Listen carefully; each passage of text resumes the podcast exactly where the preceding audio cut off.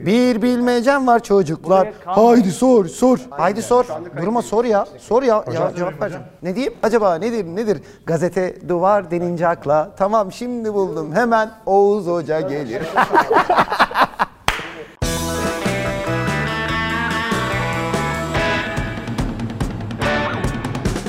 Hocam sizi La Casa de Papel'deki profesöre benzetiyor bazı izleyicilerimiz. Bu konu hakkında ne düşünüyorsunuz? Duvar başıma iş açma. Bak zaten bu ara çok sakat. Yani adamlar biliyorsun önce darphaneyi soydular sonra Merkez Bankası'nı soydular. Evet hocam. Şimdi zaten ekonomist olmak bu ara çok tehlikeli. Merkez Bankası ya da darphaneyi soymana gerek yok. Yani bunun yanlış yönetildiğini söylemem bile sıkıntılı. Dolayısıyla aman diyeyim aman diyeyim Allah. Kimse beni kimse beni kimseye benzetmesin. Ben gayet iyiyim. Merhabalar Duvar izleyicileri. Bu haftada geçtiğimiz hafta olduğu gibi sevgili doçent doktor Oğuz Demir'le birlikteyiz. Oğuz Hoca'ya saç baş yolduran sorularımız olacak. İlk sorumla karşınızdayım. Dolar düşünce de artınca da fiyatların artacağı söyleniyor. Şimdi dolar düşünce de biz korkuyoruz, yükselince de korkuyoruz. Bunun sebebi nedir hocam? Aslında tam olarak öyle değil. Fiyatlar artarken şöyle artıyor. Maliyetler artıyor. O maliyetler peyderpey fiyatlara yansıyor. Geri döndüğünde içeride sadece girdi olan şey ithal girdi değil ki. Yerli girdi de var. Girdi de var. E o yüzden de böyle hemen çıktı hop geri. Bu bir asansör değil duvar. Asansör değil fiyatlar. Fiyatlar yukarı çıkarken yavaş yavaş çıktı. Evet hızlı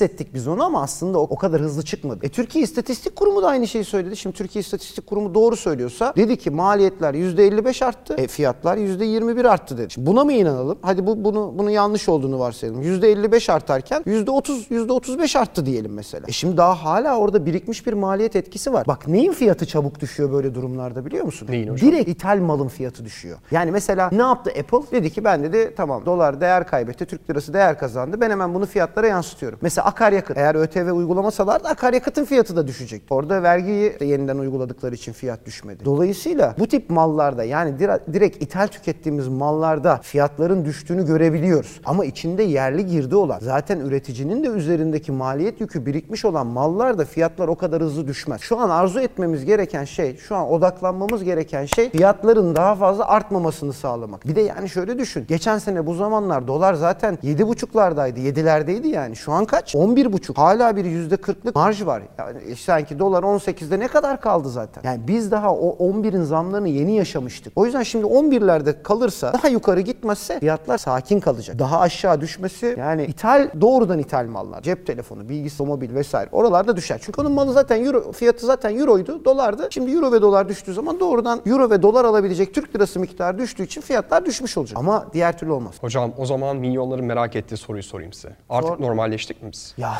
daha ne oldu ki? Bir hafta önce çıktılar dediler işte yeni bir model uyguluyoruz biz işte dövize endeksli mevduat yapıyoruz. Yani ki etkili olup olmadığını da bilmiyoruz. Çünkü sürekli şu konu şunu konuşuyoruz. Yani verilere baktığımızda Merkez Bankası'nın ya da kamu bankalarının döviz satmış olma ihtimali piyasada yüksek şu zamana kadar. E Bir de yani mesela o şok oldu pazartesi akşamı. Salı, çarşamba, perşembe, cuma o şoku yaşadık. Pazartesi salıya bakıyorsun. Dün dolar %8,5'a yakın arttı. E bugün %3 ile başladı salı gününe. Yani dolayısıyla henüz o sakinleşme oldu diyebilecek kadar vakit geçirmedi. Bir de endişelerimiz var hala. Yani şimdi şöyle düşünsene Duvar. Bak sen mesela dolar 15 liranın üstündeyken Türkiye'de 6,5 milyar dolar satın alınmış şirketler ve işte gerçek kişiler tarafından. Şimdi dolar 11. Sen 15 liradan, 16'dan, 17 liradan dolar almış olsan dönüp ben dövize endeksli mevduata yatırayım Türk lirasına geçeyim mi dersin? Zarar etmişsin çünkü. Yoksa ya acaba hani dolar artacak zaten dolar artsa da mevduata yatırdığımda arttığı kadar kazanacağım ama onu bozdurma ihtimalim olmayacak çünkü 3 ay vadeli yatıracağım diyorsun en iyi ihtimalle. Ama bu arada dolar yeniden benim aldığım seviyeye gelirse belki zararımdan kurtulurum diyen insanlar var. O yüzden onlar henüz daha döviz bozdurmaya yanaşıyor durumda değiller. Kimi etkileyecek bu? İşte Türk lirası mevduatı vardı. Dolar almayı, euro almayı düşünen, döviz almayı düşünen, altın almayı düşünen insanlar var. Belki onlar şöyle diyor olabilir şu anda. Ya ben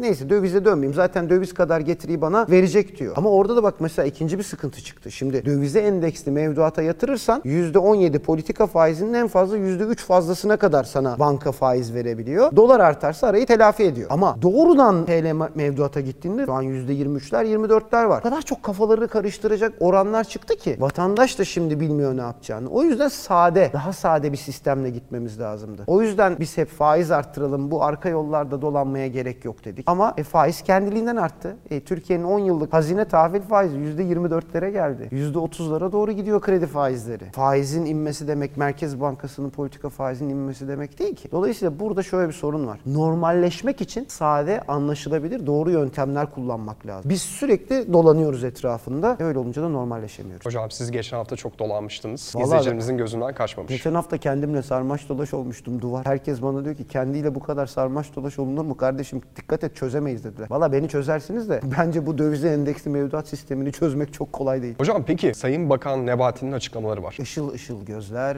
mışıl mışıl uykular falan.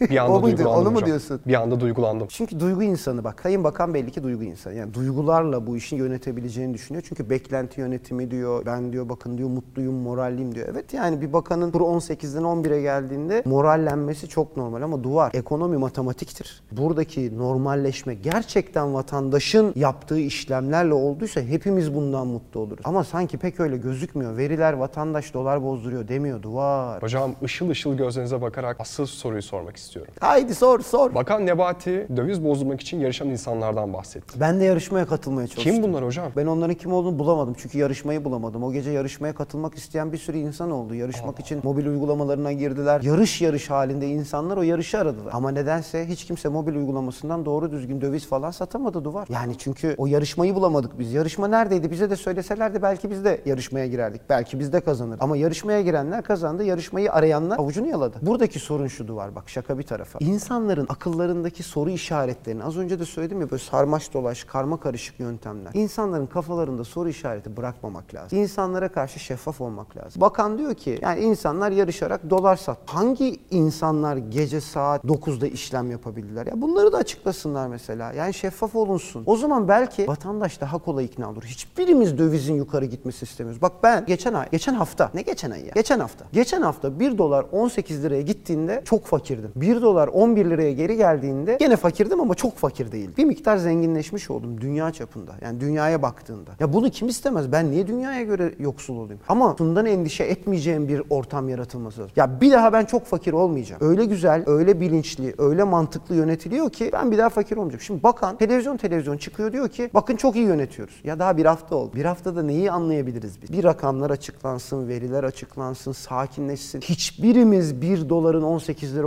olduğu bir Türkiye istemiyoruz. Bunu hükümet de istemiyor, muhalefet de istemiyor, akademisyenler de istemiyor, gazeteciler hiç kimse vatandaş da istemiyor. Çünkü bunun acısını en çok biz ödüyoruz. Parası az olan insanlar ödüyor. Hani şu an böyle bir ortam, acayip bir beklenti yaratmak, hayal kırıklığına zemin hazırlamaktır. Çok dikkatli yönetilmesi gerekiyor bu sürecin. Ama Sayın Bakan duygularla anlatıyor bunu. Bunu matematikle anlattığımızda ve gerçekten devamının geleceği konusunda halkı ikna ettiğimizde sakinlemiş ve normallemiş olacağız. Şu haliyle olmaz. Hocam ben çok az parası olan bir insan oldum. Duvar. Senin paranın olması bile mucize. Duvarsın oğlum sen.